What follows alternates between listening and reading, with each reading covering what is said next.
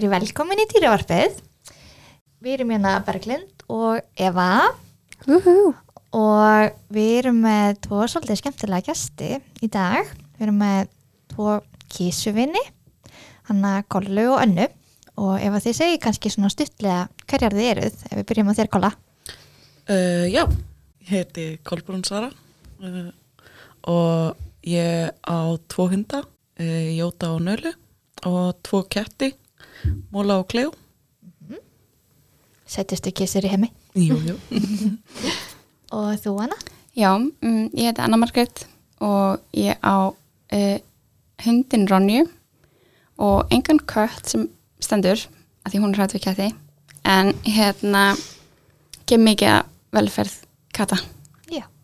Og þema þáttarins í dag er sem sagt inni og útikettir og við ætlum að fara smá í bara munin á því hvað fælst í til dæmis að eiga inni kött eða úti kött og kostur og gallar við bæði og já, Já, ég held að það sé bara vippum okkur í það og sjáum hvað kemur út í. hérna hvað myndið kannski byrja ef við byrjum á þér hana, þú Já. áttir úti kött eða ekki? Já, ég var að fóstra út í kött. Af hverju valdur að hafa hann úti og... Sko hann var, hann kom úr erfiðmastæðum þess að hann, hann var bara ekki tökk saman, hann var bara úti og fór bara inn til að sofa og svona.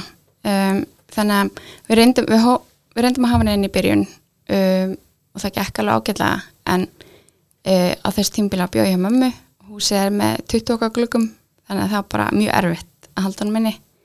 Þannig ég sett henni bysli og byrjaði að fara með hann út bara svona á pallinn og ég bara með þetta í hug það er því mikið mikið meira, þú veist miklu skynnsanleira að byrja þannig heldur en að opna bara glöggan og hleypa hann múta því við vorum bara á nýjum stað Já, algjörlega. og hérna, en þetta gekk mjög vel hann fór bara út og, og hérna kom svo inn og svo fikk ég lánaði GPS-ól Já. bara svona til að vera örug Hvað er langt síðan? Já. þetta var sensta sumar Ok. Og nú ert þú með tvær kísur, Kolla. Já, Eru þær inni eða úti? það eru inni kettir. Ok. Er ykkur ástæð fyrir þú kýsta frekar? Sko, í raun og veru tóku þessi ákvörðum bara í neyð upprannulega. Þau voru sérst bæði úti kettir í sérst Kleo í 6 ár og Móli í 8 ár og svo flytjum við í húsnæði þar sem að við í raun og veru þyrftum að hleypa þeim út um þrjár dýr og treyst á að nágranni myndi hleypa þeim inn um tvær dýr og það var náttúrulega bara ekkert að fara að gerast og hérna þannig að þetta var svolítið bara svona neyð og við eitthvað, oh, guð, þetta verður ræðilegt svo er þetta bara ekkert ræðilegt þetta var bara æði og hérna svo núna erum við nýlega flutt á sérst jarða með palli og öllu og við bara, já, þau eru að fara að vera áfram inn í kettir sko Já. En ef við hugsaum aðeins úti, bara hvað eru kettir að fá út úr því að vera úti kettir? Veist, hvað, það eru bara hættur, eða sérst, kostir og gallar hverju var í kostarnir? kostiðin er náttúrulega bara að þau upplifa, þú veist, þau fá að fara út í hreyfanlegt loft og, og fá svona, þú veist, lyktarskinnið elta, þú veist, eins og núna við erum að upplifa svolítið mikið að týndum kísum eða þannig, þú veist, það er ekki að koma heim á þeim tíma sem þeir eru vanar að koma. En, þú veist, voru er að koma það er öll lyktin að kvikna í grassinu þú veist, þær eru bara að skoða þessum Þannig að Og- þetta er svona útrás á bara sínu eðli. já, svona skinnferum en hérna, það er alveg að gera það inni líka, sko Já, sem að, einmitt, kemur manni þá að því. Ef maður hefur köttu sinn inni, hvað er svona mikilvægast að hugsa úti þannig að maður sé ekki að taka eitthvað af þeim með að vera inni kettur og finnst ykkur að inni köttur geti lifa við nákvæmlega sömu svona um, Sem aðstæður? Sem er lífsgæði og úti köttur. Góð spurning. Já, það var endur boltan út í þín, Kola. Ég myndi kannski ekki segja nákvæmlega þú veist, en hann getur fengið sömu útrás inn Já. allan daginn og fer náttúrulega eftir í hvað þú leggur mikla vinnu í það og þú veist, ef að þú til dæmis byggir svona sem að e- byggir svona utan á já. eins og sumir gera þá, þá þú veist, það er nánast engin munur svona Mhm. andlega eða þú veist uh, og ég myndi segja að það sem er mikilvægast er að hund, nei, kötturinn að hérna að kötturinn fái útrás fyrir sitt eðli og það er náttúrulega nummer 1 og 3 þá eru þeir veiðdýr Eldilega. og Já. það er svo mikilvægt fyrir þeim að leika við þá og leifa þeim að þú veist, uh, veiða og ná og drepa það er alveg bara ótrúlega mikilvægt og það er alveg rosalega rosalega fáir sem í raun og veru gera það þegar maður svona fyrir að tala við þá þá bara svona, Já, köttinu mínu leiðist af hverju bara, já það kaupir dót og hendir bara gólfi og gerir ekki neitt. Já, já, en hvernig viljið þið leika við ketti þannig að þeir fá þessi útrás? Bara ef þið lýsið til dæmis nokkrum leikjum. Sko, ef ég má setja inn, þá hérna uh, eða bæta við það var, ég var sérst ég les mér rosa mikið til um svona hluti algjörnörd og það er til dæmis, ef þú ert með eitthvað dót og ert með það undir teppi veist, og það er svona að hoppa inn og út úr felum. Þannig að, veist, bráðin er að hoppa inn og út úr felum og veist, og þannig að kveikir rosa mikið í veið eða kattarens í staðin fyrir kannski bara að dóti liggja bara á gólfinu. Veist, þannig að elda hluti og ég held svo mjög mikilvægt að þurfa að ná því. Mhm, og það er líka bara að tala um eins og með leysera að leika með leyser þú veist, allt er læg en þú þarfst líka að leifa kettinum að fá sko verðlaunin við að ná endamarkmiðinu. Já, þetta get aldrei náði ljósinu. Já, þú veist þannig að þú getur annarkvort sett namibita eða dót og leift honum að taka eins í það skilur í endan að því hitt svo byggja bara upp svona frustration. Mér langar aðeins að skjóta það inn í Já. þótti sem að tala um ketti já, að leika ekki við hunda. Nei, Leysir. einmitt. Þetta megi með kísur En já, Já. þannig að það er þá annað dót sem er skemmtilegra eða betra fyrir ketti.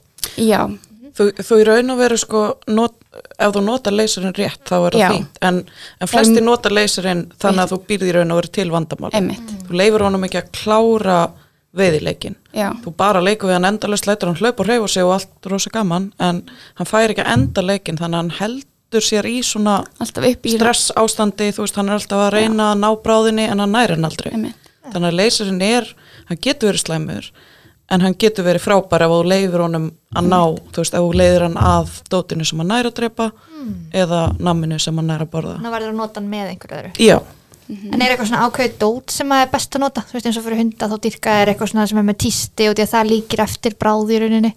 Er eitthvað svona ákveðin áferð eða eitthvað hljóð í dóti sem eitthvað finnst virka best? ég held að það sé bara persónlegt eftir kísum þú veist, áferð og svoleiðis en já, það er, það er besta dóti finnst mér vera þar sem að þú getur tekið þátt í leikinum látið dóti reyfast eins og bráðmyndi reyfast já veist þetta er bara svo stór partur aðeim að þetta veiðali og hvað sem að það er þú veist eitthvað sem að hangir sem að þú lætur þú veist svona hlaupa eftir gólfinu sem að kötturinn þarf að ná eða mitt setur undir eitthvað og þú svona hristir að það er alveg til svona rafrænt dót en þú veist, sem að kannski snýst í ringi og svona líkir eftir mús eða einhverju, en þú verður náttúrulega alltaf að fylgjast með, Já. þú veist, og, og passa að það sé ekkert hættilegt að gerast eða þú veist að kötturinn sé ekki að fara yfir um, þú veist, einmitt, það er líka þetta. upplifið það að enda leikin líka Já, já. Þú veist, eins og með hundana þú veist, það þarf að þú veist, búa til þetta búið núna og þú fjagst velun fyrir það eða fjagst það sem hún vildir Já. þú veist, En náðu þið, hérna, nú hef ég aldrei átt kött, þannig að ég bara svona, hef mikið náttúrulega á þessu. Hérna, út í maður sér oft ketti úti sem eru svona í veiðiham og þeir eru að gera þetta hljóð svona með munninu, það sem er Gagga. munninu og gera svona, já, Já. gagga. Gera innikettir þetta í leik, eða það við séð það, finnst þér, finnst ykkur þeir komast alveg í Til að byrja með hvaða hljóð gefa sér því að þetta er eitthvað nýtt fyrir mér sko. það? Nei, nei. Er það bara veiðaðilið úti og þeir eru bara Já, þeir svona þeir opna munnin og svona, já, gagga. Já. Það er Já, ótrúlega skemmtilegt. þetta er Gerðu rosa- til dæmis sjá fugla. Já. Ég er alltaf, ég gef fuglunum út í garði og ég sé alltaf kettina í kring alveg vera að stara á húsið og bara líka við að maður sjá það að byrja að slefa sko. já, já. Að ég var að hugsa hvort það er þú veist nái þessi ég hef þessi innikætti gera þetta með flugur Já, já, reyndar og, já. og náttúrulega fugla út í garði ekki gluggan sko. Þa, það er líka, þú veist, þetta hérna, gera kettir oft í einhverju sem ég hérna vill oft kalla kattabíó Já, það er að hérna leifa þeim að horfa út um gluggan já, já, þú veist, því að það er líka ótrúlega gaman fyrir þeim. Þeir þurfa ekkert endilega eins og ef þeir sjá fuglana úti þú veist, og eitthvað svona, þá aftur er aðlið, sko. Og þeir, mínu ketti gerir þetta oft þegar þeir sjá fugla úti. Þeir gerir þetta ekki leik, en já, ok. þeir gerir þetta svona þegar þeir sjá fuglana setjast á pallin eða eitthvað svona. Já, alltaf þessi ekki svona eftirvengt eða svona byggist upp einhver svona tilfinning. já, akkurat. En er það ekki óþægilegt fyrir þá einmitt að ekki ná þá eins og þið voru að tala um þá er tilvalið að leika ykkur já, Já, að þá- það er forleikurinn Já, já, já. Nota svona sem bóði í leik já, já, Já. þú veist, og þá kveikir svolítið, þá er að kveikna á eðlinu, þá veistu það og þá bara svona, heyrðu þetta er fullkomin tími til að mm. -hmm. leifa honum að veiða ég ná- myndi sjálf halda um þetta mjög algeng og miskilingur að fólk fái sér ketti fram yfir hunda af því að Já. það er minni vinna Já, en svo virðist það bara vera það er bara ekki rétt.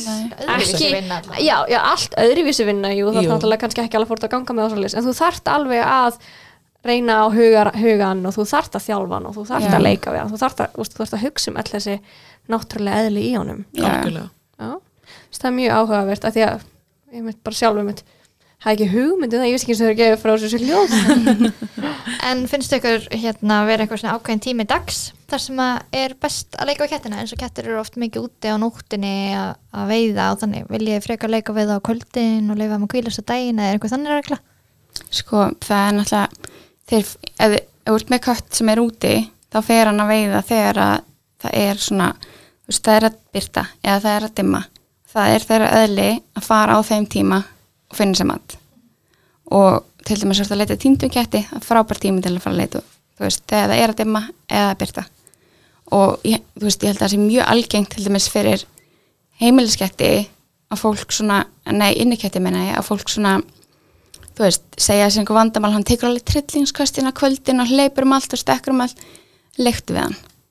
Gefðu hann þessa útrás í staðan fyrir að hann þurfa að gera þessa útrás sjálfur og kemur þá kannski niður á sofaninum eða eða eitthvað bönnunum annað til að skemma. Já, þú veist, hann tekur þetta zoomies um herbyggið en hann, þú veist, þú gæti laga það með því að bara veita hann með þessa aðtekli og gefa hann með þessa útrás og, og þess vegna hafa innifæli í því eitthvað trít, það er einmitt líka mjög algengt, þeir leita alltaf í sófan og svo leiðis mm eru þið þá líka þá með svona klóru stangir og, og hvetja til að, að klóra það frekar? Eða myndið segja að leikurinn gæti verið með minni þannig að þú leikur við hann þá eru minni líkur á því að hann fari kannski að leita í húsgögnin?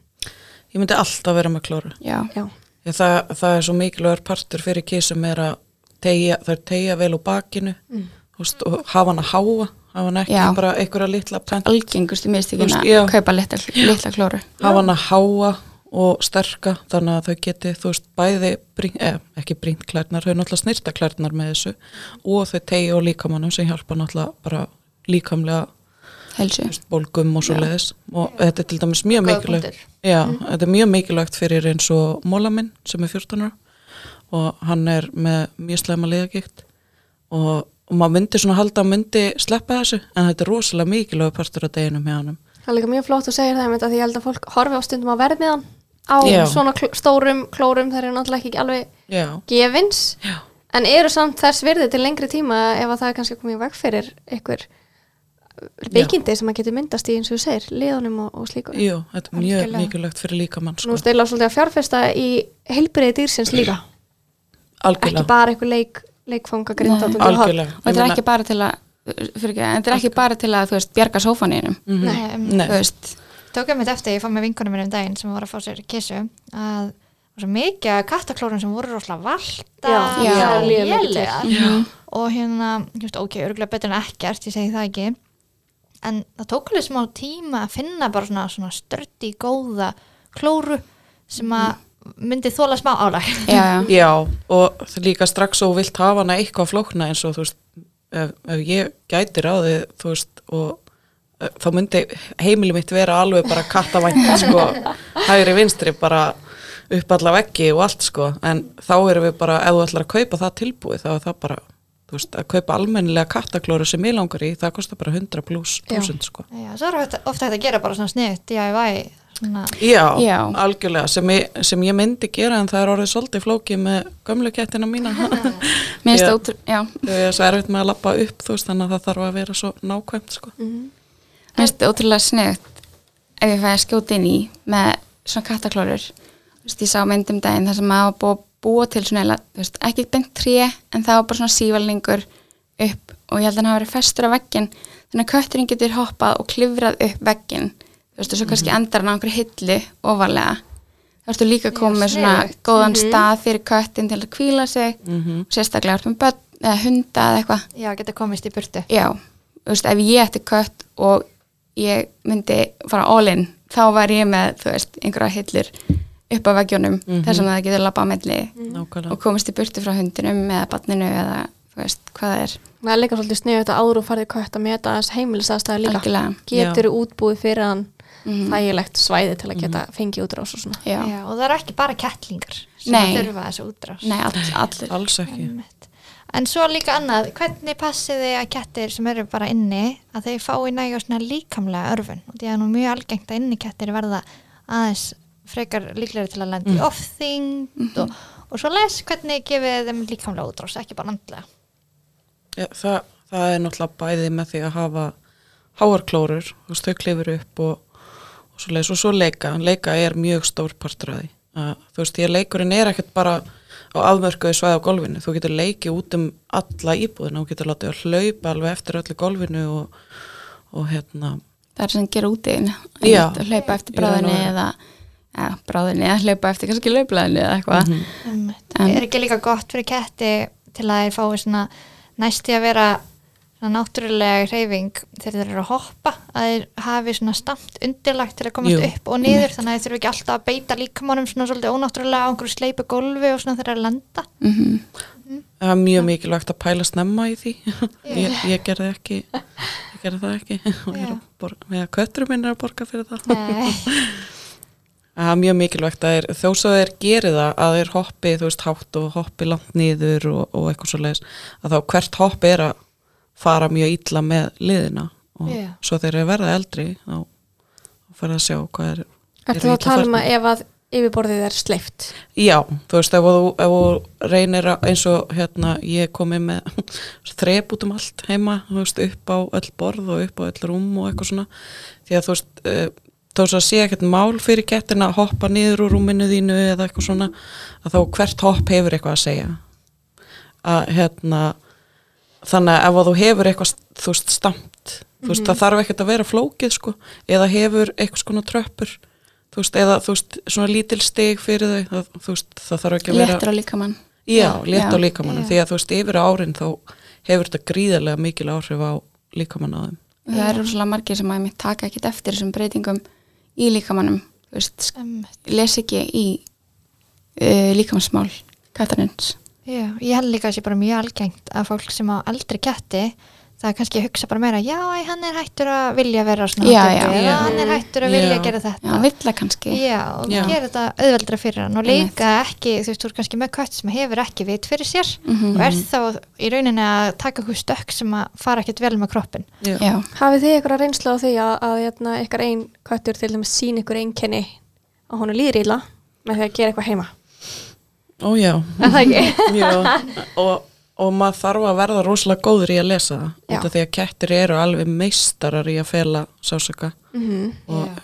móli minn er nú gott dæmi um það greið að hérna, hans þess að tvíkjálkabrotnaði þegar hann var út í köttur og hérna blessunarlega sá, sá fóstu mamma mínan hlaupundir pallin og ég náði að lokka hann fram og hérna og þó svo hann væri alveg í rústi þú veist, þá malaði hann samt til Já. mín og þú veist, kom til mín og var rosa, reyna að vera rosa eðlilegur sko. Og svo, svo voru smá minnstökjar með hann þannig að í nokkur ár þá var hann með skemmdar tennur í munninum. Og þú veist, hann var í miklum sásöka en hann var ekkert að sína Já, það er alveg frekar algengt einmitt, þeir eru oft með ekkert endilega það góða tennur en þeir, þeir ger ekki neitt í því. Já, já, nokkulega eigandur hann fær alveg svolítið mikið samvinskupið kannski veist, alveg svolítið eftir bara af hverju tók ég ekki eftir þessu Já. eru alveg en svo eiga þeir til með að sína einkenni sín til dæmist með hægðunavandamálum já, það er mjög já, Já, eða líka eins og mjög algengt að fólk talar um að hann malar svo mikið. Að mal getur líka verið merkið mikið Já. stress. Þetta er eitthvað sem að við sjáum á dýraspítalunum Og maður sársauki. fekk kannski inn í, já, fekk kannski inn í kísuherbyggi og bara leiða maður kemur nálega þetta bara, bara mala á fullu. Maður Já. veit alveg að þeim er ekki að líða vel að sjá okkur sko. Nei, er mala í alls konar tíðnum sko, það þýðir rosalega mismunandi. Og, og líka eftir að ég lendi í þessu meðan þá, alltaf, veist, þá fór ég að æfa mig meira í að sjá pínu litlu munina í hefðunni hjá þeim. Og ég náði að spotta alveg ótrúlega skrýtna hluti þú veist, og var bara eitthvað, já ég verð að fara með hann til dýrlegs ég verð að fara með hann til dýrlegs hann er, þú veist, farin að væla aðeins meira en hann gerði. Já. Já. og svo bara já, heyrðu, hann er með kalkskort og jóðin í blóðinu hans eru öll í rugli og bara hvernig, hvernig dattir í huga að koma með hann? Bara hann var ekki eins og hann átt að vera. Já, og ekkert endilega sem að merkja og hinnkissaðin sínir Nei, alls Já. ekki. Þú veist, maður er farin að lesa þessu vel að þú veist, litla breytingar eru bara, og sérstaklega þeir eru verða gömul. Þú veist, það þarf svo lítið þannig að allar minnstu breytingar þá var ég farin til dýralæknis. Já. og oft búin að hafa rétt fyrir þér. Já, já. eða eru bara alltaf. Já. Hefur þú tekið eftir einhverju svona? Sko, um, ekki hjá mínum, eða þú veist, ég er náttúrulega ekki átt kísu mjög lengi, en, en hérna, ég bara teki eftir hjá fólki sem leitar, þú veist, til mín, um, maður svona á vinn og vandamenn sem að leita til manns. Og, þú veist, bara hann er byrjar að pissa á gólfið, þú veist, farið til því, það er eitthvað sem er ekki í lagi og, þú veist, algengar ef það breytist hegðunin, þá getur það verið líkamlegt, þú veist, og þurfum alltaf að útiloka það fyrst. Það er líka eins og það er mjög algengt að það er pissi í rúmið allt í Já. einu. Eða eitthvað, eitthvað Já, allar snöggar hæðina breytingar hjá köttum, þá myndi ég alltaf segja byrja Já, bara hjá halda dýrum, já. Já, já, auðvitað hjá öllum dýrum. Já, en kettir eru svo, einmitt, þeir sína ekkert. Já, og fólk held, heldur að þeir séu fúlir eða bara í fílu eða þú veist, Já. og svo getur það líka alveg byrja þannig. Já, já. og svo getur það þróa með sér til dæmis hérna þakkfæra vandamál já, og svona pissuvesen út frá langtíma stressi já. sem að ég í rauninni er eina meðundlunin þá bara verkefleif Mhm. eða, eða og hérna bæta við svona andlegri örfun heima Já, og já. kvíða stillandi meðferðum einmitt. En núna er líka oft talað um að kettir eru svolítið erfitt með breytingar Mm. sem getur líka valdið allt í einu snöggum breytingum varðandi, þú veist, af pissa mitt eða eitthvað svo leiðis, Mhm. bara út af því þeirra að mótmæla. Er það eitthvað sem að þið hafi tekið eftir? Sko, þetta orð mótmæla finnst mér svo stert að Já, þetta er í raun og veru bara stress myndi ég segja þú veist að, að þeir eru ekki per se að mótmæla, þeir eru ekki meðvitað eitthvað bara að gefa þér Fingur. fingur, þú veist, sem á mjög, þú veist, það er alltaf verið að tala um ketti eins og þeir séu svo mikli dónar og, og þú veist, eitthvað svona sem þeir eru alls ekki, þú veist, þeir eru eh, flestir bara mjög viðkvæmir og þeir eru bara í raun og veru að sína mikið stress við, þú veist, eins og nýtt batna á heimilinu, nýr hundur, þú veist Og flutningar og svona? Já, alls konar svona litli hlutir sem að fara í þá og, og þá, þá þarf maður að vera líka rosalega, þú veist, þá er svo slæmt fyrir þá að hugsa bara, þú veist, þetta er mótmæli Já. Því að þá einhvern veginn, Láta já, það líður bara hjá Já. þú veist, frekar en að fara að skoða hvað get ég gert Mhm. til þess að láta köttin hætti að vera stressaðan. Þannig að honum líði meira örugur og hætti að finna þörfina að pissa í rúmið mitt, þú veist. Er Þannig punktur. líka út í köttur myndi það kannski bara flytja heimann eða finna sér nýjan Já. eigin inn í kötturinn eða fastur. Já. og þá er það bara svolítið skildamanns að finna út hörðu, hvað er það sem er að Hvernig valda að með, með mótmæla og þannig og hvernig þeir eru í hægðun. Mhm. Það er náttúrulega, eins og ég kannski sagt áður, þá er ég og kettir ekkert eitthvað alveg bestu vinir, sko. Af hérna, gamla spillan sem ég var að vinna, það var alltaf leiða því kannski sem ég labbaði með kattabúrinu, þá var alveg bara að skrá mig, sko. og hérna, ég var yfirleitt haldið frá þeim, en ekki það að mér finnst þeir ógæslega sætir og alveg inn- dýrka, en hérna, það er með tengda fólkdur mínir eru með eitt kött heima og ég hef sjaldan séð kött plana jafn mikið að reyna að myrða mig sko. hann er alveg kolsvartur horfir á mig alveg bara ég hata því að því ég byrtist á heimilinu og byrja á því að taka eigandan hans Mhm. tek plassi í rúmun hans já, Já. þannig að hann var ekki sátt við það Mhm. svo byrtist ég allir með einn hund smá Já. hund Mhm. uh, hann var ekki alveg beint sáttur við það og svo byrtist með annar smá hund og núna bara í hver skipt sem ég mæti á bíl fyrir utan og hann heyri hann þá er hann farin út Já. hann er bara, ég vil ekki sjá þessa konu Já. hér innan hús og ef hann fyrir til dýrlæknis þá er það fyrsta sem hann sér í mig þannig að ég er ekki alveg hans besta vinkona alveg en, en Nei. það er, alltaf fyndið, ég hef alltaf verið svona að djóki hann með eitthvað að hann sé litli djöfullin sko. Já. en á sama tíma þá kannski jafnvel bara hann verður stressaðar að sjá mig hann verður stressaðar að sjá hundana. Já. en líka að segja frá því, fyrsti hundurinn sem ég kom með heimilið hérna, hann síndi mjög mikið eins og hann þoldi hann ekki. Alveg bara, þú veist, horfði alltaf á hana og var líka svolítið ósáttur og svona. En svo lendum við því einu svona, hann hérna það ætlaði að fara stærri hundur og segja bara hæ við hana við hundi minn, mm. kötturinn hoppaði á milli. Já, og fór svona svona var að verja hana. Þannig að þá var maður svona, ok, það er þarna lúmsk? Væntum þykja þarna á milli. Já. Kettir náttúrulega tengjast eigendunum sínum alveg ótrúlega sterkum böndum. Og þetta fyrir líka í hináttina. Það var hérna þegar ég kynntist kærastana mínum þá áttum kött. Og ég fekk að vita það setna það var svona svolítið partur af samþykinu var kötturinn þegar ég hitt hann í fyrsta skipti og satt svona gólfinu og kísi kom í fangi mitt Já. og ég fekk að klappa honum og hann alveg svona, já ok, það var þetta gott Þannig að samkvæmt allir hefði kæristu mín átt að henda mér út. í, í raun og veru, þú ert heppin maður hefði gert það Nei, nei, ég, hann samt, þú veist, ég fæ alveg að klappa hann um og, og við reynum að vera góði vinnir. Mhm. Já, En ég frekar leif honum bara að gera sitt í staðin fyrir að þvinga hann eitthvað til þess að. Að þykja vænt um mig, sko. Ég leif honum bara... kannski þegar þú fyrir að læra meira um hvernig Ég gott það, það kannski verður við þá bestu vinnir. Já, Já. kannski fyrir hann að finna einhverju aðra orku frá þér gera þetta á hans Þetta er- fórstendum er orka mín, þetta er áran mín. Svo veldur því að kettir eru bara Nei, jú, við, verðum bestu vinnir eftir helgina. En talandi um svona stressvandamál hjá köttum, þá er náttúrulega algengasta vandamálið held ég að sé að kettir sé að pissa inni. Og þeir geta fengið já, eins og ég segja, ákveðin svona pissu vandamál sem að bara brjótast þannig út að þeir eru endalaust pissinni og vera með svona bara vesen. Og þá er meðanlunin í rauninni sem að við sendum dýrin með heim er að vera, ef þeir eru innikettir, vera með fleiri kattakassa til að pissa í um, meiri andlega örfun. Hvað myndi þið svona hvað myndi þið, hvað var ykkar to-do listi með svona kött og hver er reglan með kattakassa? Hvað vil ég hafa marga kassa, hvað vil ég staðsetja það á Sko, í, í drauma aðstæðum þá er listin rosalega langur sko. við höfum nægan tíma. Að þú veist, það er alveg hvaða sand ertu með. Já. þú veist, eins og kristalsandur er rosalega vinsæll en hann er ekkert rosalega vinsæll hjá mörgum kísum. Þetta er mjög óeðlega aðferð hjá þeim. Áferð segi já, þetta því að að- klumpast ekki. Já og að krafsa í þú veist, eitthvað svona klumpa. Það finnst þið mörgum mjög óþægilegt. Þannig að þú veist, hvaða sand ertu með? Ertu með líktamikinn sand, þú veist, Já. það er algjör óþarf að setja líkt í sandin er, eru með miklu næmara líktaskinni við. Hvað er sandurinn, hversu marga kassa ertu með, hvað eru þeir? Eru þeir dreifðir um húsið e, Já, en hvernig viltu hafa þetta? Eins og ef að þú segir bara hvað er sand, hérna sandurinn? Veist, hva, hvar viltu ekki hafa hann og hvar viltu hafa hann? Og skipti máli er, er kassin opinn eða lokaður og hva, hvað ertu helst alveg opinn e, eins og út af því að þú veist, þeir eru með alveg lokaðan kassa og jafnvel með lúfu fyrir þú veist, þá ertu að byggja köttin um að fara í svo ótrúlega stressandi aðstæður til þess að gera þarfinna sínar og sérstaklega ef það eru börn og hundar og eitthvað á heimilinu að þá ertu í raun og veru að byggja köttin um að fara í algjörlega varnarlöst ástand með eina útgönguleð Já.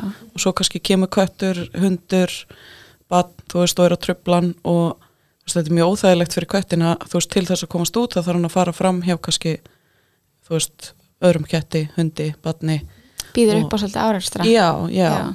Þannig að ég myndi segja þú veist uh, allavega einn ein kassa á kött, lámark algjört lámark og helst einn plús fyrir hvert kött og ekki hafa það alla bara tróðn eitthvað staðar inn í þvóttahúsi þú veist, að, þú veist ég, er, ég er ekki að segja þú veist, að það er alveg kettir sem höndla það, þú veist en þegar ert komið með vandamál þegar það er, Já. kemur eitthvað upp á að þá þarfst að pæla í þessu, þú veist, Já. færa kattasandin, ég vil hafa einn í stofinni ég veit að það er mjög ófinsætt þú getur verið tímabundið Já, já, Já. Algjör algjörlega luxusum ef við varum svona bara já, ég vil hafa tvö klósett. Þannig að nýjum sig ekki eitt stóðan frá sjálfi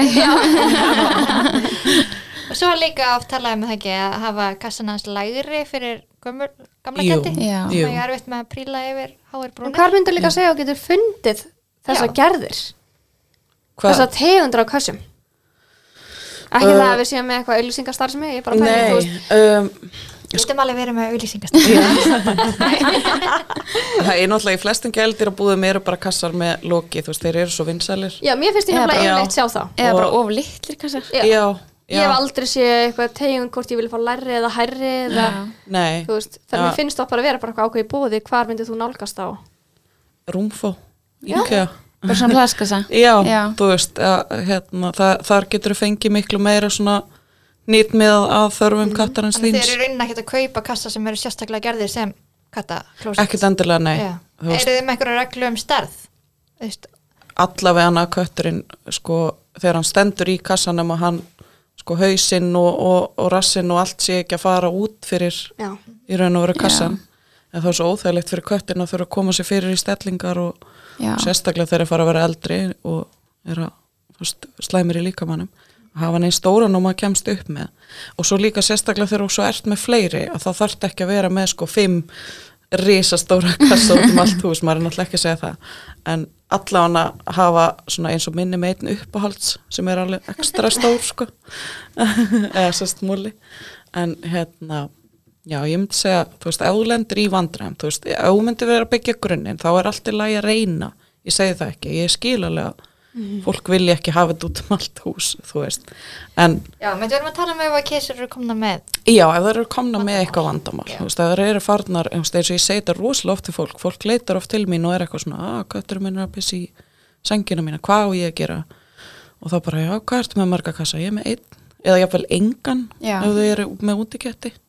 það er alveg mest að hafa kassa þú sér Já, hvert sko. algjörlega. Og hérna, og svo kem ég, já, ok settu annan kassa þarna í húsið og þú veist, hvernig sand ertu með?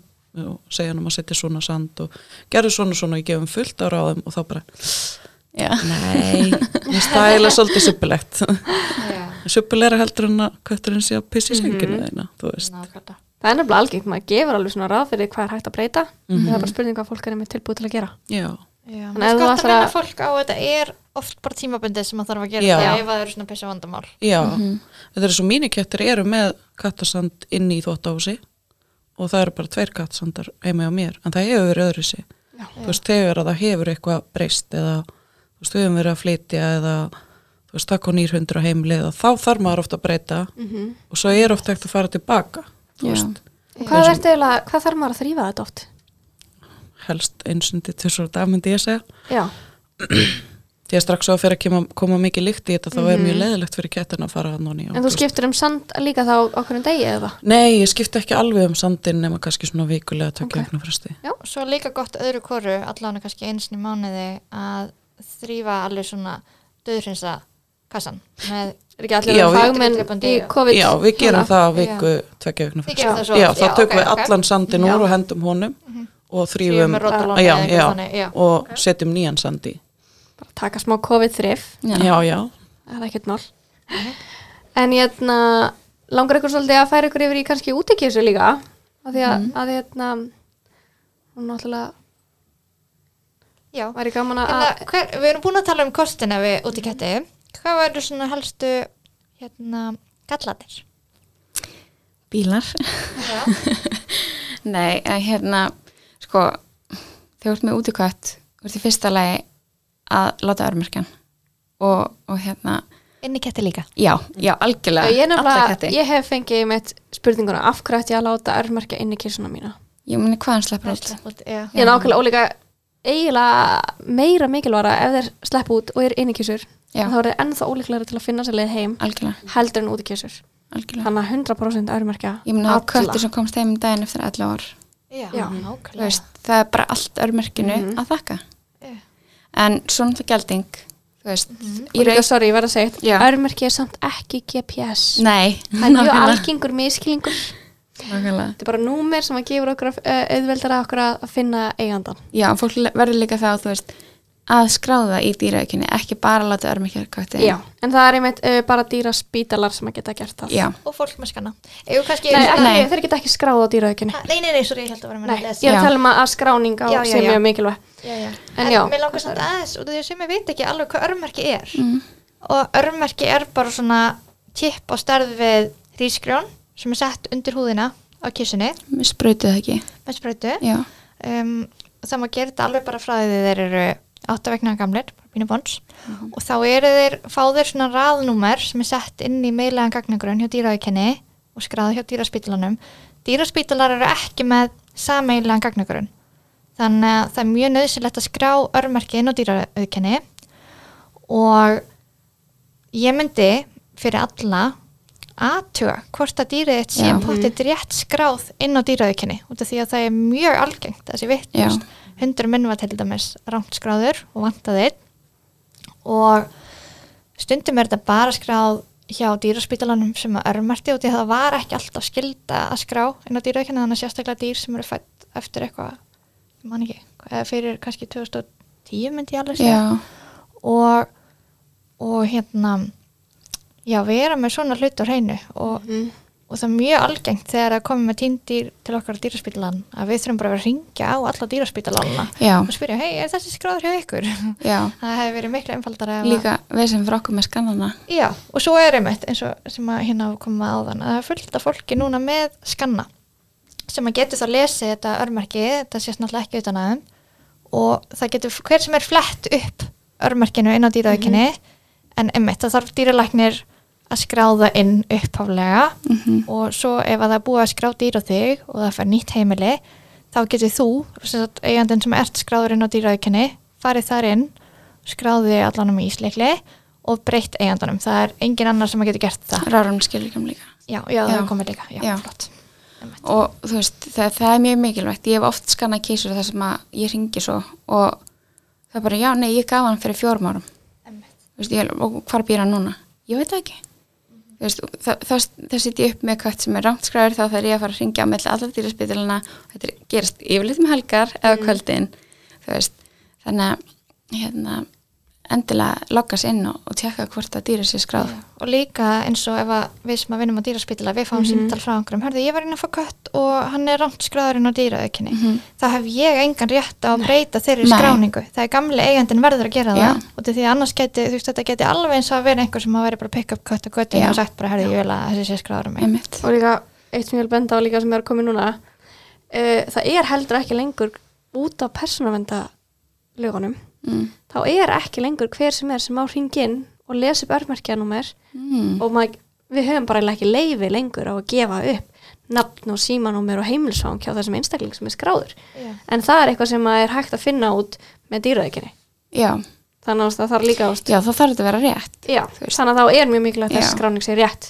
Já, og líka kíkja bara er rétt símanúmer Já, Já. og svo les já, Þetta er eitthvað sem að við hjá Dr. Dýra ætlum að auðvitað dýraðekinni með. Já og, og er líka ef að dýrin tínast að skrá dýrin tínt Já. á dýraaukinni Já, uh, það er þetta sem myndir líka. Já. og, og hérna um þetta skráðu tínt og það er líka þetta, þú veist, eins og ég lendi um daginn uh, að skrá, nei, skannakött og ringdi, eigandinn var erlendis í námi. Þú veist, og ég sagði hann bara, já, þú getur sett bara í aðtöðsamt, þú veist, hann býr núna nýri miðbæ eða eitthvað. Og hann bjó áður í 107 Já. eða það er kannski mér bara. Ég veit það ekki. Þú veist, þannig að hérna ef einhver heldur hann sem týndur og skannar þá er bara ok, hann á að vera hér þó hann sé upprunlega skrar Mhm. Já. En já, ok, það er bílar. Og já, ég myndi ok. segja bílar og, og hérna og hundar og alltaf aðri lausi kettir. Um, kett, þú veist, þú veist með útikvætt og hann kom með svona ákveði svæði þannig að kannski á göduna en það var mjög mikilvægt líka hans að gældur þannig að hann sé ekki hrellaðara ketti. Að lenda fyrir bíl, ég meina þeir hlaupa náttúrulega ekki viljandi fyrir bíl. Þú veist, það gerist Það yfirleitt eru óvitar Já, margir kettir hrætti við bíla sem bara mjög gott. En þeir sem eru ekki hrættir þeir er kannski álpast frekar út á götu. En svo líka ég held að flesti árastrann gerast þegar að kettinir eru í leik eða að elda mús eða þú veist eitthvað svo leiðis þeir, þeir eru ekki að hugsa, þeir eru bara í einhver svona hugar ástandi og hlaupa vart fyrir bíl. Eða eru hrættir og eru að hlaupa frá einhverju og hlaupa fyrir bíl. Myndir þú segja að það væri betra að vera með út köttin úti á nóttinni eða á degi til? veit það ekki sko. Því að núna lendum við smá, ekki lend smá raugræði með þetta að sem að, maður fannst kannski alveg hljóma rétt en náttúrulega á nóttinni eru tölvört minni bílar. Já, en það var bara móti kettir Já, já af, myndir þú segja það, voru fleiri kettir? Já, þeir fara náttúrulega á stjá Þú, þú, þú myndir tala um það, menn þeir eru fleiri þannig að það væri þá ekki, þannig sé betra að hafa það úti á nóttinni sko, ég persónulega myndi vilja hafa innanóttinni Já, en ég en veit fyrir hag dýrsins Já. og minni hættu já, en, en, svo, þá kemur upp á móti náttúrulega að það er myrkur. Já, þannig að það gerir bílana aðeins erfæra með að sjá þá já, ég held að bílinn sjáu þú veist, mjög sjaldan skiptir koma. sem dagur Já. líka bara fyrir bíl Já. ég hef alveg heyrt af því að bara fólk er að keira og bara Já, þið þetta já. gerist á sekúndu. Já. fólk á ekki er nú viljandi að gera þetta. Við skulum nú vona. en ég myndi halda líka sko, ef þú pælir hans í hvað gerist ef að kötturinn er út á nóttin og hann lendir fyrir bíl þá þarfst að borga útkall. Þú veist, ádýrlangstofu þar að segja að hann lifir af og ekkert víst á að sért vakandi þegar Nei. kissið ef hann er að koma sér Já, og nákvæmlega, og hvað ef hann er bara örmertur og það er engin ól, þá þarf að kalla, þú veist, þú nærði ekkit í Nei. alla aðstöð sem þú þarft þannig að ef þú heldur kettin minni á nóttinni og ert með hann út á daginn þá er miklu meiri líkur á því að þú geti í raun og veru bjarga honum eða út með útkvætt þar að segja. Mér langar líka að koma einu að talandum ef hann er ekki með ól. Að með svo algengt að fólk er að svona óska eftir hvaða ól helst best á kettinum. Mm -hmm. og hérna eru við sjáum stundum á spítalanum að fólk er búið að setja hundaólar Já. á keisurnar að það er rosalega mikilvægt að vera með opnanlegar ólar Já. og kettir sem er alltaf að týna hálsálunum sínum. Það segir manni svolítið að þeir eru kannski bara ofta að flækja sig og lendi aðstæðum þess sem að bjarga þeim að, að ólinn opnaðist já, já. Þannig að laustin er ekki endilega að fá ól sem er bara hægt að strekja meira eða herða þannig að hún ná ekki að brotna af þannig að þeir eru kannski Nei. að flækja sig í greinum eða eitthvað og myndi geta bara hengt sig sko, ég myndi, Eða- já, já. ég myndi líka segja við fólk sem er að lendi þessu bara ítrekka að þau eru kannski að kaupa alltaf dýra rólar í gældribóðum kefti bara magn á netinu þú veist, veslaða bara alið eitthvað og kefti 10-20 ólar ángrín sko. sko ætti bara að fara að flytja inn. Já, eða þú veist, og svona plastmerkispjöld, ég meina, þú veist, þetta er ekki rosalega dýrt ef þú kaupir þetta svona magnpakningu og svo þarfstu líka svolítið að finna út, þú veist, er ég nota ól með smellu, þú veist, er smellan alltaf laus, þú veist, hún þarf að geta opnast við ákveðið átak, eða þú veist, svona viðspilnu, eða þú veist, en svo getur líka að prófa að tegja ólar, þú veist, en það er náttúrulega eiga séns að fara undir löppina og svona. En, en svo eru sem kettir sem bara kunna að taka þessar rólar Já, þeir eru bara kjánar erum bara helviti flinkir. Já, Það er bara að hafa það. En þú veist, svo er það líka bara var, var ólinu bara skellt á hann þú veist, þegar hann fullur eða fekk hann að venjast í að vera með ól? Þú veist, er nóg þröng?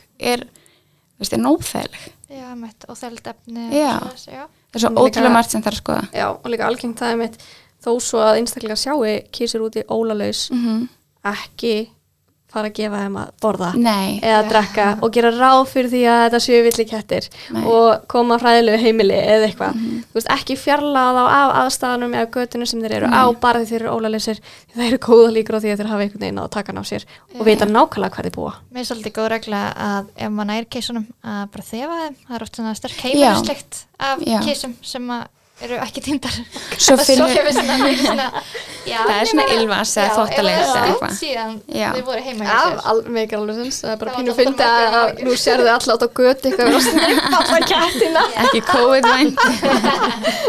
Ekki nærra þá. Nei, Nei, ég er að það það hefur verið mitt mjög flott sko en, en, en líka það er líka bara það er eins og við tölum um í, í síðasta þætti það villikettir eru ekki droslega sínilegir eða láta ná sér Já, sko, Já. Ég, ég veit ekki með hvað þið hafa upplegað en ég vann aðeins með villiköttum Mhm. og hérna í sálbástarfi þar þú veist, það er svo margir sem bara, já ég held þessi villiköttur villikötturinn er ekki að fara að koma til þín Nei, um, þú veist, hann er, hann, hann er mjög hrættu við þig Mhm. þú veist, hann er mjög hrættu við fólk og, og ef þeir mögulega láta sjá sig og stara á þig en oftast hlaupa er bara burtu.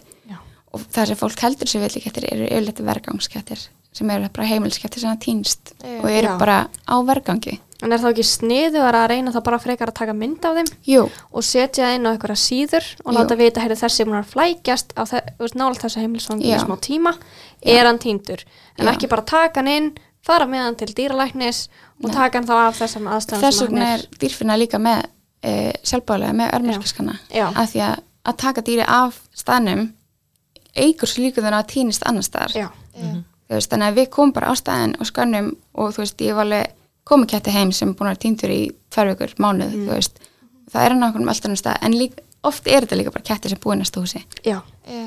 Ég myndi samt svona fyrir mitt liti ef að ég ætti kissu sem að væri úti að þá myndi ég alltaf vilja að fólk væri frekar og ofta að stila, að stila kettinu mínum eitthvað að láta Já. lesa örmarki og ringi mig, jú, hörðu hann á heima hér en Algjörlega. mamma náttúrulega alls ekki sleppa þeim þá á öðrum, öðrum staðan þeir Nei, og líka bara fólk þar, þú veist, ekki tróðanum í, þú veist, hangklæði og halda Nei, að það nei, gangi. já. ég held að það sem ég algeng það eru teknir og settir svo stressandi aðstæður. Já, það má ekki. Í staðan fyrir bara að smetla einni mynd sem allir eru með síma og setja það bara inn á, inn á síðuna eða hafa það samband við dýrfinnu.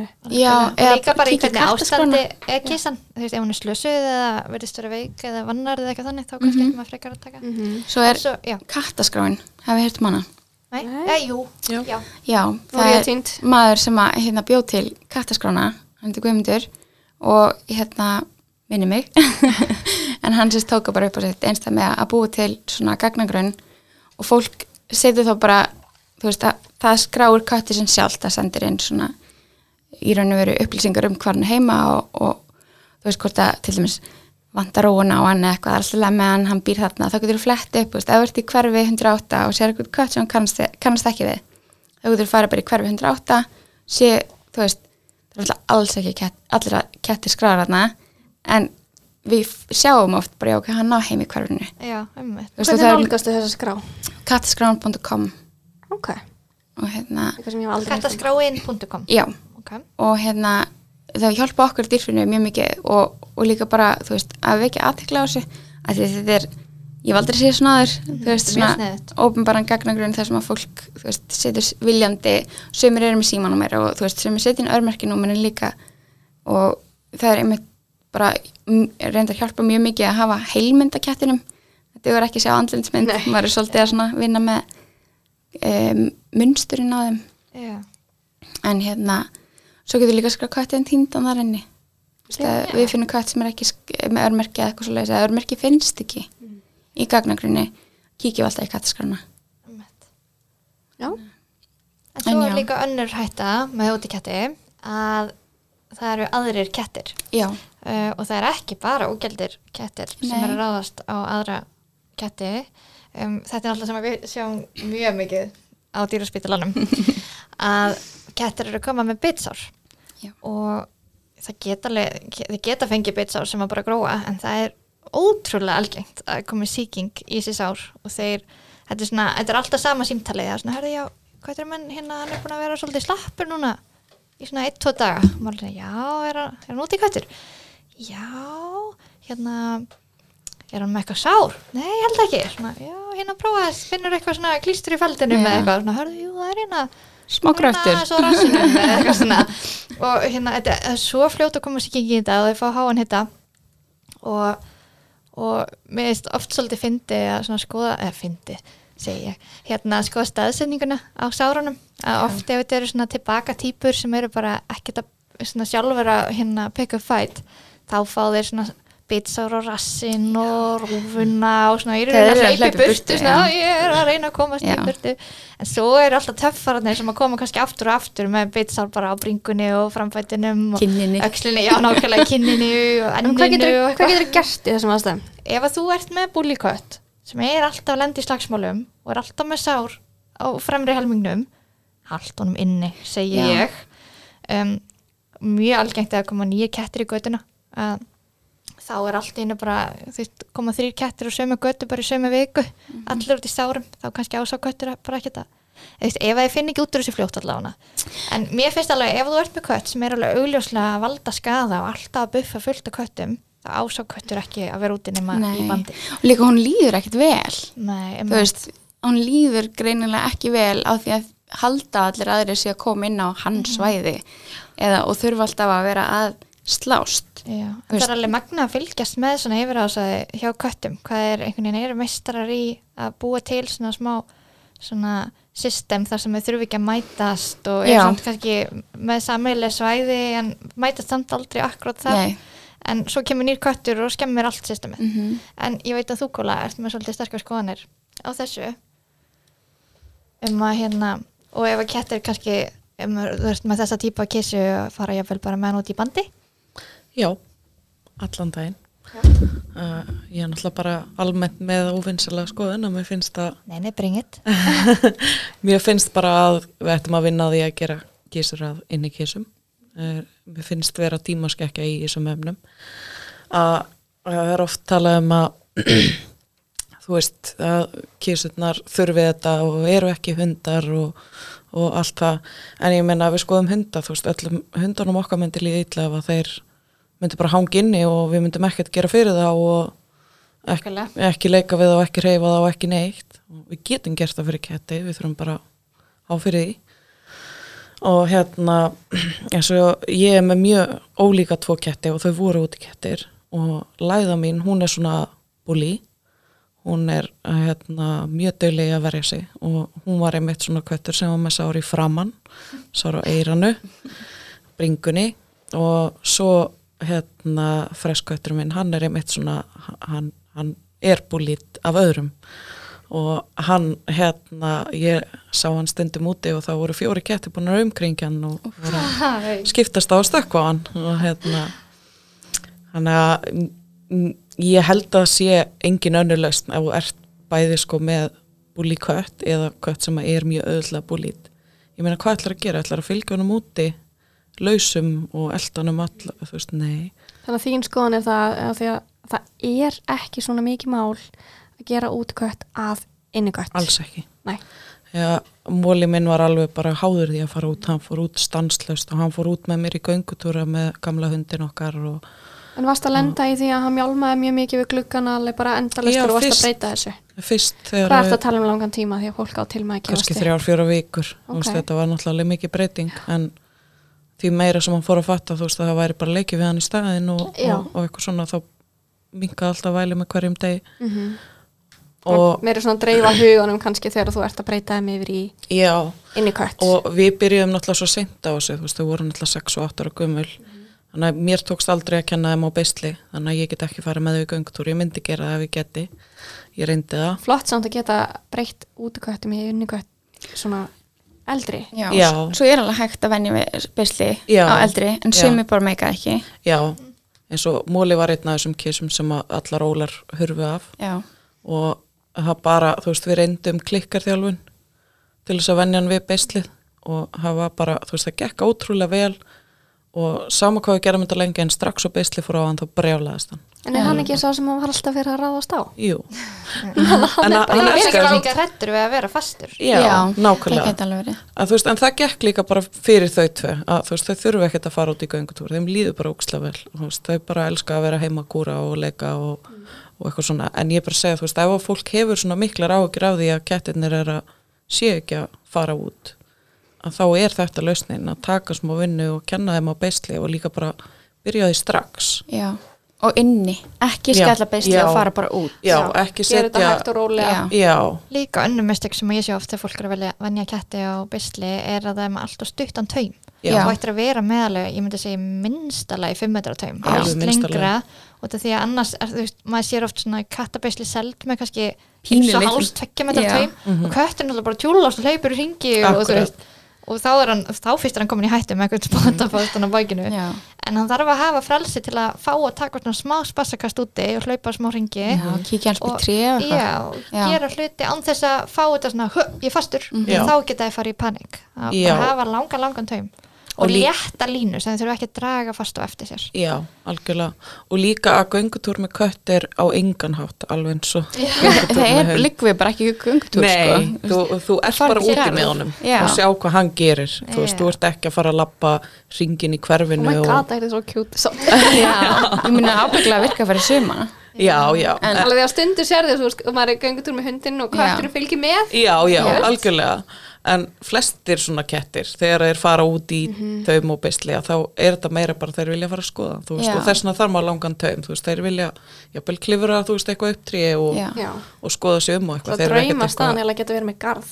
Svo Já, þefa, já. nota þefskinni Þefskinni er mjög mikilvægt, Já. alveg og í hundum Já, Það er bara, Svo er líka eitt punktur sem við langar að koma inn að hérna, nú er til dæmis varp og alveg til 1. ágúst þá eru hundægundir með mjög stránga reglur um að vera að fara ekki á ákveðin svæði til að tröfla ekki varp.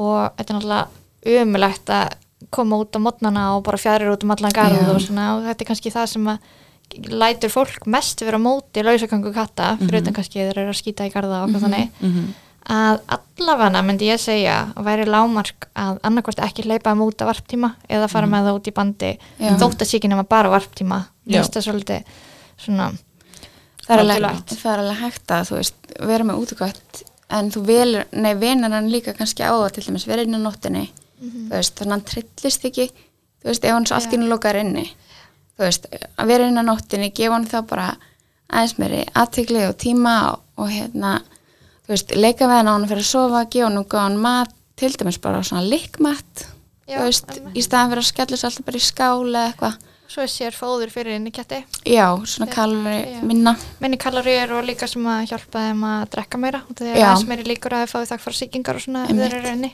En líka þá, einmitt, ef þeir eru ekki að fá þá andlu örfun sem þeir þurfa Já. og líkamlega já, En það, það er líka partur af, hérna, af hverju þokkfærasíking er svona mikið algeringar hjá innikissum. Mm -hmm. Þeir útikettir, þeir veiða náttúrulega og þeir fá vatn úr Já, fæðunni, þú veist, úr dýrónum sem þeir drepa. já, Svo innikettir fá oft bara þurrmat sem að, þá gefur þeim blöytmat líka, að, þá strax ertu komin. bara auka vegu eintöku Já, og vilt kattadýr sem að veiða sér til matar drekka rosalega, rosalega lítið vatn fá í rauninni allan sinu vökva bara úr bráðinni Já. Já. þannig að það kemur ekkert endilega það náttúrulega fyrir ketti að, að drekka sko það líka að já. hérna, fyrst við erum að tala um að drekka Já.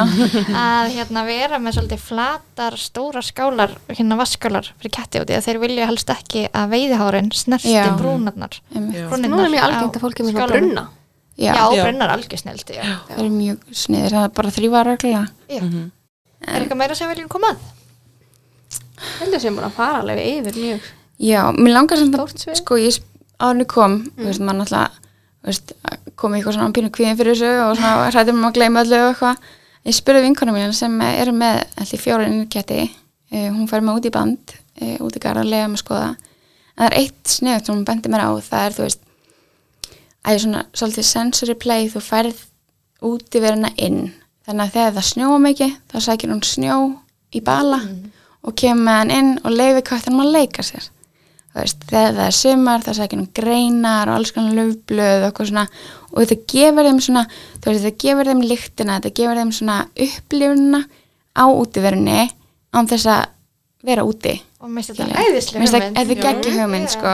Og sérstaklega líka að búa til katjó. Þú veist, það er bara svona þú veist, þú veist kannski með glugga úr með eitthvað pláss fyrir utan gluggan og þú getur byggt svona pínlítið búr ekki pínlítið heldur þú veist, svona það sem að geta setið og fengið gólin á sig og fundið lyktina. Þú veist, ég sé þess að ketti sitið úti svona og þeir eru bara þefandi út í loftið. Já. og þeir eru bara að lykta af öllu sem er að koma með vindinu sem við finnum náttúrulega enga lykt af Já, hún er í raunin að setja upp svona leiksvæði eins og er oft hérna gert já, Always remember to play og Já, emmi, þú veist, þú ert að- að búa til svona, svona sensory play eða þannig, þú veist, það sem að þeir eru fá að prófa að upplifa blötan snjó og þú veist, Já, ég meina, æðislega hugmynd. já, þannig að alveg, meðast það geggja hugmynd. Og þú veist, líka bara, þegar þú ert með innekjætti og þú ert með dót að rótera því, þú veist, eins og með hundana, Já. þú veist, að, að rótera dótinu alltaf, ekki vera alltaf bara með sama dóti, Já, og- eiga kannski, þú veist, 20 mismöndi leikföng Já. en það er alltaf þrjú í búði Já. og einmitt. já, En hvað myndu þið segja með hérna katnip? já, Hver er eitthvað skoðun á því?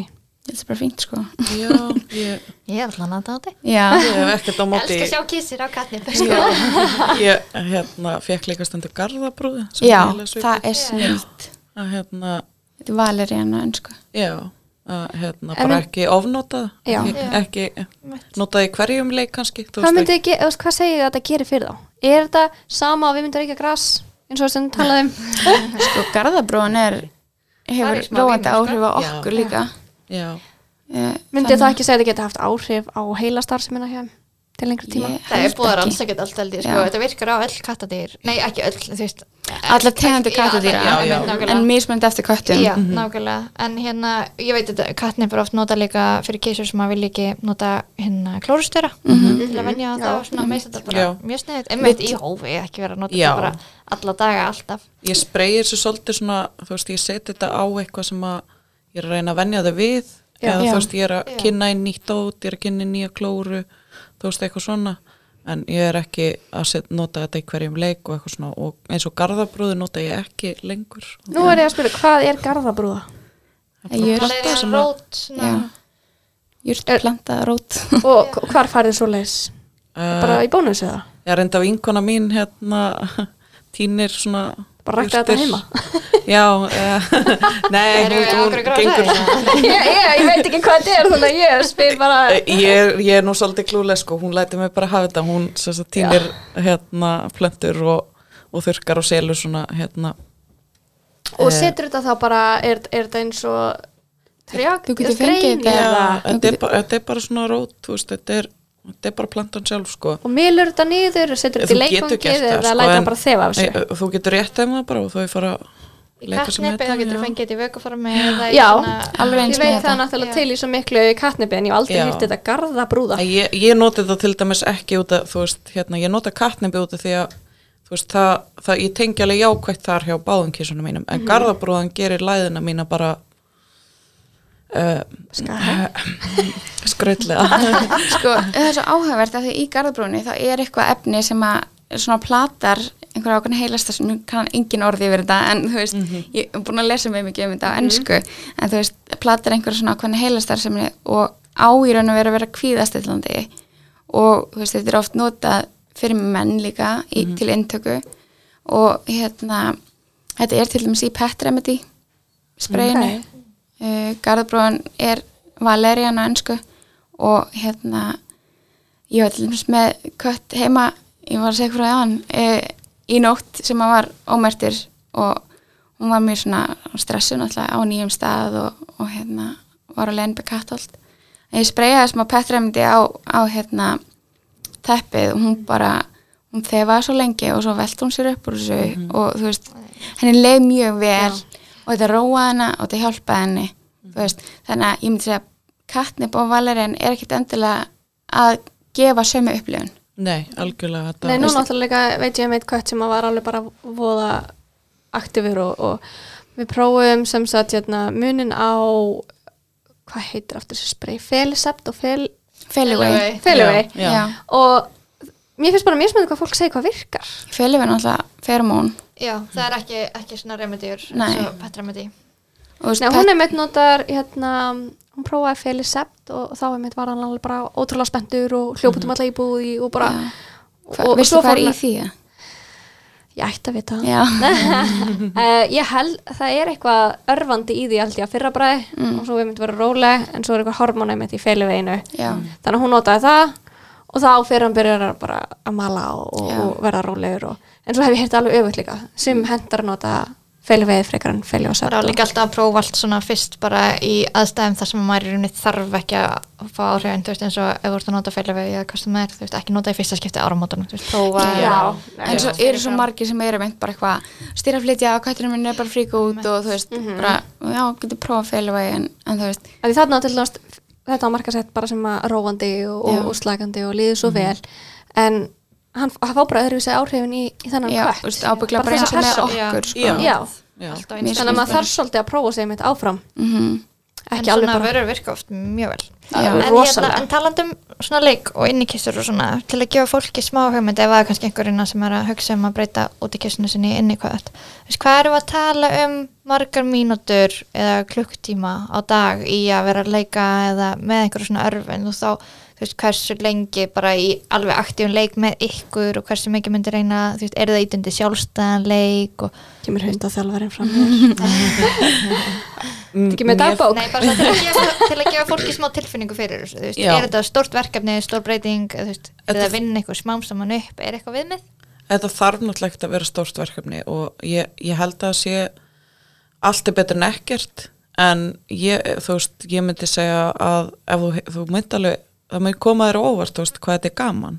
Og gleymir þér alveg og getur verið í hálftíma klukkutíma bara í einhverjum einhverjum meldingarleik með köttin um allt húsið og, og hérna láta hann finna namið þarna og eitthvað svona. Ég, ég myndi segja sko 5-10 mínútur er, er ótrúlegt hvað er mikill munur, það er bara svona algjörgrunnur en svo hérna ég, Kannski ég, smá fyrirvinnu og eftirvinnu eða eitthvað? Já, algjörlega. Sérstaklega þeir eru að fara að vera einir og svona. Því að það er einmitt annar meðskilningur að kettir séu ekkert að pæli hvar þú ert og séu alveg saman en það er alls ekki þannig þú veist, eins og þegar ég kem heim þá koma fjögur dýr og taka Já. það er ekki bara hundarnir.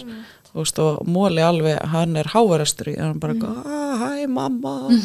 Þú veist og hérna, hann að leika við það, þú veist, áður hann ferði vinnu og svo, þú veist kannski rólega stundir og kemur heim og svo fara að leika.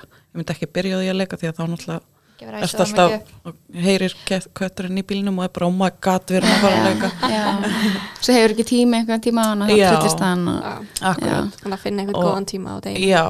Og, og bara, bara venja sig á bara smá rútínu, þú veist. Já, gefa sér kannski tvö skipt á dag þú veist, þó svo að sé ekki nema einmitt 50 myndur, Mm. þú veist, það þarf ekki mikið meira og það, það er ótrúlegt hvað að gefa kettinu inni mikið, sko. Nú erum líka búin að tala svolítið mikið um innikött- innikissur Mhm. að, nei, útikissur að verða innikissur það er alveg jafn mikilvægt líka við að ef þú ert með innikött og ætlar að gera hann útikött ekki Já. henda hann bara út Já. Nei, það þarf að þjálfa hann það þarf að labba með hann, þú þarft að sína hann svæðið Mhm. ekki bara, jæja, nú er þú bara út og gott að gera svo vel því að margir eru einmitt hrætti við grasið eða stjættina, fólkið, áreitið já. þetta er svo mikið sjokk Mhm. þannig að það þarf alveg jafn mikla þjálfun bara, bara both ways Já, Já. algjörlega. En eru þið líka að leika við kistunar með til dæmis nota matinn þeirra þannig að séu svona næstu því eins og að mat í dall bara tilbúin bara að gera svo vel Mhm. þú veist það væri miklu náttúrulega fyrir kött um þetta að veiða sér til matar eru þið þá að svona tvinnita þeim saman þannig að það er matur í leiknum og slis þannig að fá kannski smá part af matnum þannig væri það góð regla? Ég held að það virki fyrir marga ketti. Ég persónulega er ekki með, með mína ketti út af því að þeir eru einmitt með vandamálum þingdina oft tengist mjög mikið allinni og að vera eini kettir og þetta er mikið samspil fyrir, og líka fyrir mína ketti þá finnst þeim alveg nóg að ná dótinu sko. en ég held að það sé gott fyrir marga ketti og sérstaklega ef þú ert með útikvætt sem hefur mikið verið að veiða Já. þú veist og þú ert að reyna að gera hana inni ketti að þá geggja að lefa hann að finna nammi og Já. veist, klára veiðina Já. í raun og veru ég myndi klálega reyna veist, að, að gefa svona heila leikum í dót það er til einhverjar svona ódýrar litli boltar þar sem hún setur matinn inn í. Og þú veist, þetta er eins og með hundana það er það að sína þeim í byrjun skilur og þeir þurfa náttúrulega að vilja að borða matinn sinn. Og hérna en þetta gefur oft, þú veist þetta gefur þeim oft hreyfingu Einmitt. og að borða og vinna fyrir matinn gefur þeim huguleikumi þannig að uh, ég myndi klála, þú veist, kettir ekki heimskir. Þannig að, flug á það já og, og sem minna náttúrulega nenni bara ekki að vinna fyrir matur sínum og vilja bara fá hann í skál. Já. það er kannski bara alltaf leið en, en það hérna er bara jafn mismunandi á við. Algjörlega og svona þef teppi til dæmis líka. En hérna, nú fyrir við að renna út af tíma. Já, Við langar aðeins. Já, það ég ætlaði um að segja hvað við eitthvað sem vilja koma að í lokin. Hérna Anna, þú Já. ert hjá dýrfinu. Já, um, og þegar við vorum að tala um aðan ef að þú innikött já, sem að týnist já. Hver eru fyrstu skref? sko, fyrsta skref. Eða útikött sem týnist, farið við bæði. Já, ok. um, í stuttumáli þá fyrst að skrifa með innikött til dæmis með kettlingar sem að fólk þú veist, postar á Facebook bara kettlingur minni týndur, þú veist, hann bara fyrir mútið að leita, hann er mjög líklega inni hér, undir rúmunu und, þú veist, inn í skáp, undir teppi. Þú veist, Váka þú- kolla hefur lent í Já. þessu. Þú ert að taka algjörlega dummy search heimi hér þú veist, farið undir söklana veist, hann geti verið sofandi inn í þóttavélinni þú veist, náttúrulega ekki virkur þóttavél en þú veist, já við byrjum alltaf að beða fólk um að taka bara algjöra dummy search heima. Eh, með inniketti þá, þú veist, sást hann fara út. Ef þú sást hann fara út þá náttúrulega bara ferðu strax út. Og þeir halda sig alltaf í kringum húsið fyrstu dagana þeir eru, eru óvart komnir út og þeir eru bara, oh my god, hvar er ég? Það við að tala um innikætti Já, það eru það inniketti og ég meina, auðvitað er kannski til inniketti sem eru bara rosalega töffar og labba bara í burti, skilur en algengasta dæmi er að þeir eru hrættir veist, þeir eru undir bíl í nágrinni þeir eru inn í runna um, og þú veist, í mögulega gautum í kringum. Veist, þegar við höfum stundum komið í hjálpa til veist, það var einn sem fannst bara í sömu gautu, bara bak við næsta hús eftir tvo daga. Veist, þannig að hún, hún bara komst ekki heim og við vorum að hjálpa að leita. Kattaka sem var komin út með skítu í, skilur þannig að lyktin bara og mun að taka lokið af ef að þeirra setja kattakassin út. Það er bara kattakassa með sandunum sem er Já, ennþá skítugur. þannig að hún finnur sína lykt, skilur, þeir finna lykt lengst, lengst. En oft eru þeir bara hrættir með stresshormoni á fullu að fela sig. Og þeir mun ekki koma þó þú kallir veist, þeir eru bara það hrættir, þeir eru bara í survival mode og þeir kom ekki, þú þurft að finna þá. Og að fara nóttu til eða kvöldin með vasaljós og þau endur skín í augun þeirra það er bjarga mörgum. Og svo náttúrulega bara setja góða lykt út fyrir utan, þú veist, góðan blöyt mat eða eitthvað. Og hafa inn, þú veist ef hann dettur á annari hæð þá þarftu mögulega að ná hann með fellibúr. Þú veist, þú þarft, að fá fellibúr láni á villiköttum eða, eða kattaldi að því að þeir, þú veist, þeir geta ekkert hoppað upp aðra hæð. Þeir geta ekkert fundið sína leið inn þannig þú þarft að finna þá. En hérna með útiketti þá er þetta oft bara kallast þeir vera displaced. Kann ekki alveg íslenska orði fyrir það. En þú veist, þeir eru á sínu svæði svo allir kemur hann ekki heim þá er hann annarkvort lokaður inn einhvers staðar. Einhver hefur lokað hann inni eða hann hefur lokast óvart inni og um, eða þá hann hefur hræðist úr sínu svæði.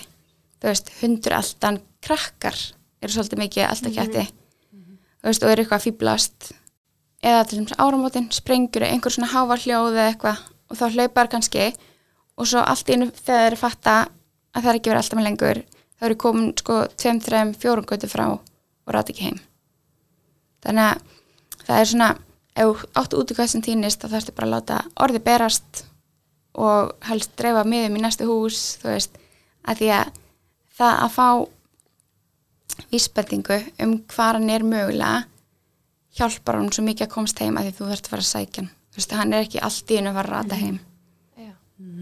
hann Eitt líka- Já, eitt sem við fáum stundum á dýrspítalan eru kettir sem að hafa farið undir vélahútin já, þannig að meist rosalega góð regla sérstaklega veturna að kettir eiga til og þá sérstaklega kannski úti kettir að hérna, ef þú ert kannski nýkomin heim Mhm. og stoppar inn í smá stund og ferði aftur út að hérna þá er bíliðin ennþá heitur Mhm. og kettinni sæki heitan að bara banka kröftilega í vélahút, nei, í hérna hútið á bílinu og þá skýrt kötturinn yfirleitt Já. hérna í burtu þannig að það getur öryggisandri og sömulegis líka ef þú ert bara að stoppa bílinn og ert að stoppa í smá stund að þú veist, geðu smá bensingjöfuna áður en þú keiri beint á stað og því að stundum er er í rauninu undir dekkinu. Já, einmitt. Já, það er mjög flott. þeir eru alveg lendi í öðrum bæjarfélögum sko, Já, með því og, að fara það líka, svona og líka, já, bara, Já. og getur bara stór slásast já, auðvitað, brunnið, og já, undir dekkinu og, Já. Ekki það. já, já Herru, þá verðum við eiginlega bara að fara að kalla það gott og svo getum við talað Já. endalist um þetta ferli og þá bara viljum við þakka ykkur báðum kærlega fyrir komuna. Já. Það voru mjög áhugavert, mjög skemmtilegt og gott að heyra ykkar hlið og skoðanir á þessu. takk fyrir Takk það sem að les. og þið megið setja á grúpuna ef að þið hafi einhverjar spurningar um innikissir eða og- eða einhverjar skoðanir og við það verið gaman að fá einhver umræði ummynda þar og annars bara minnum við eins og ég segi á Instagrami okkar og Facebook grúpuna, dýravarpið á báðum stöðum dýrfinna.is Já, dýravarpið Þetta var þetta dýri. Takk í dag